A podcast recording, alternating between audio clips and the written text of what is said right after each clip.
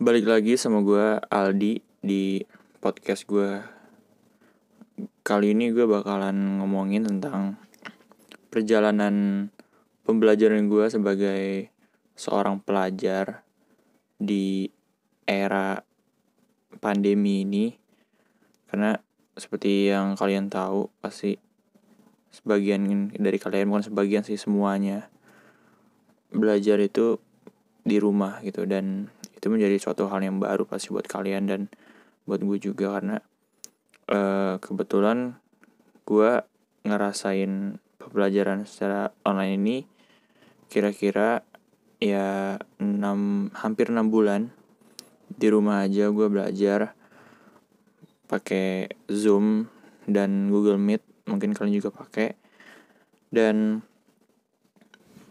gue ngerasa dari hal yang terjadi sekarang khususnya di bidang pendidikan di Indonesia banyak banget uh, siswa atau siswi ataupun mahasiswa yang sekiranya ngeluh gitu. Karena untuk pembelajaran secara daring ini atau online ini adalah suatu hal yang baru. Jadi butuh penyesuaian juga kalian semua para pelajar untuk lebih beradaptasi dengan metode pembelajaran ini karena uh, ini baru pertama kalinya mungkin ya pembelajaran secara daring karena sebelum-sebelumnya belum sama sekali dan banyak banget uh, yang dirasain sama para pelajar dan para mahasiswa ya itu mungkin entah dari uh, kurang paham ya materi yang dibawain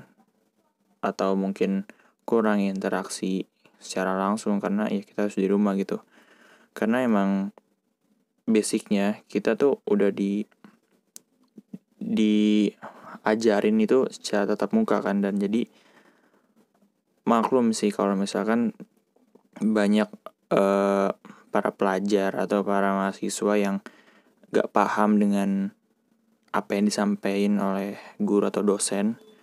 Karena kita dipaksa untuk mengerti uh, materi yang menurut kita secara atmosfer aja udah beda gitu.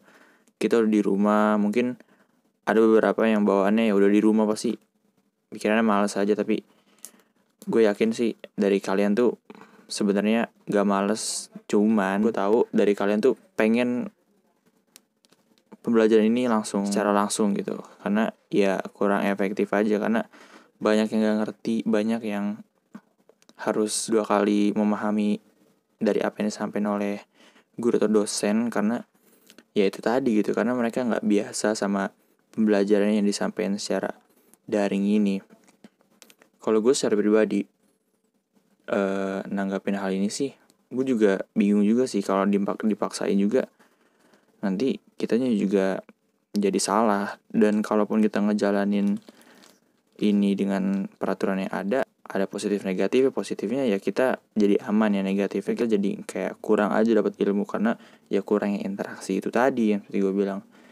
Jadi kabar-kabarnya sih ya uh, Januari tahun depan itu bakal sekolah itu udah di udah dibuka udah mulai tatap muka tapi sekolah itu masih tetap dituntut gimana caranya penyebaran virus di pandemi itu enggak menyebar gitu. Jadi pemerintah itu udah nyiapin suatu hal yang sangat-sangat matang buat para pelajar atau para mahasiswa supaya mereka itu kembali lagi belajar tatap muka dan lebih efektif lagi.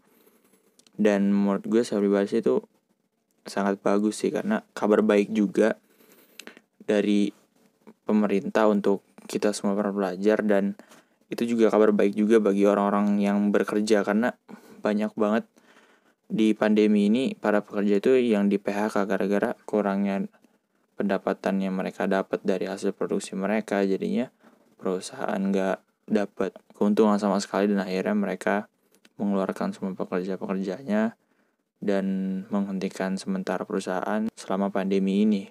Dan gara-gara pandemi ini banyak orang yang tiba-tiba gak punya pekerjaan dan mereka dituntut buat mikir gimana caranya tetap bekerja tapi tanpa menyalahi aturan yang sudah ditetapkan oleh pemerintah itu sendiri gitu. Dan selain di bidang pendidikan dan ekonomi di tindak kriminal pun makin tinggi ya karena ada beberapa orang yang habis di PHK dan sekiranya mereka nggak punya uh, pekerjaan lagi ya mereka harus memenuhi kehidupan mereka dan kehidupan keluarga dan mau nggak mau mereka kalau nggak dapat pekerjaan mereka mencuri. Di era pandemi ini orang mencuri ya karena ya mereka nggak udah nggak punya uang dan nggak tahu mau kerja di mana lagi gara-gara mereka di PHK dan itu uh, jadi ngebuat kita itu was-was juga sih karena kita udah nggak kerja gitu. Mungkin uh, ada beberapa yang nggak kerja gara-gara di PHK justru kita malah dimalingin atau di jadi korban uh, kriminal ya. Entah itu perampokan atau mungkin begal yang seharusnya kita bisa menjaga harta kita untuk ke depannya malah kita jadi harta kita hilang gitu aja gitu. Dan menurut gue itu sangat disayangkan banget sih karena kita juga nggak bisa nyalahin uh, orang itu juga dan nggak bisa nyalahin pemerintah juga gitu. Dan bukan berarti kita nyalahin keadaan yang sekarang. Karena keadaan yang sekarang itu menurut gue ya nggak bisa di apa ya nggak bisa di ilangin maksudnya kita tuh cuma bisa nyari solusinya aja buat ngadepin ini bukan ngilangin penyakitnya. ini.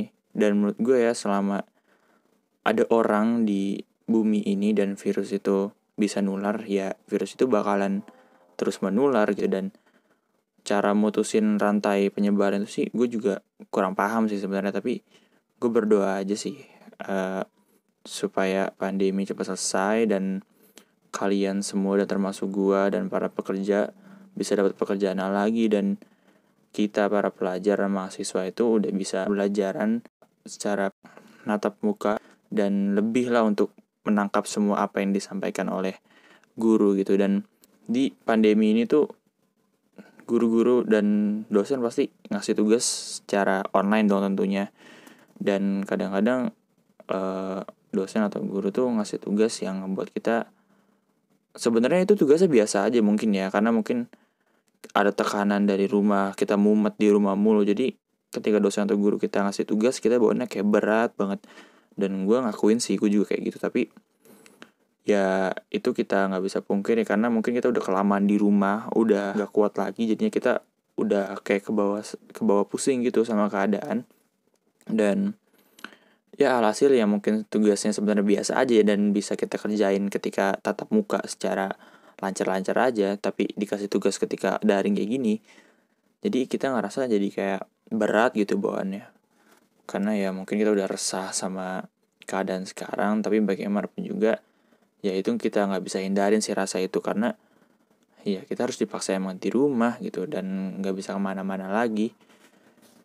Ya gue harap sih semoga apa yang udah terjadi sekarang itu cepat selesai aja supaya kembali normal dan semua aktivitas bisa kembali normal semua orang juga nggak dirugikan akan adanya hal ini dan semua orang bisa berkumpul bertemu tanpa adanya rasa takut tanpa ada rasanya ragu ragu-ragu ketemu sana sini dan semoga di tahun depan itu menjadi kabar baik bagi kita semua karena ya mudah-mudahan virus sudah hilang dan bisa diatasin secara tepat oleh pihak-pihak yang bisa menangani hal ini.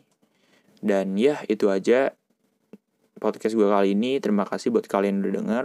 See you on the next podcast.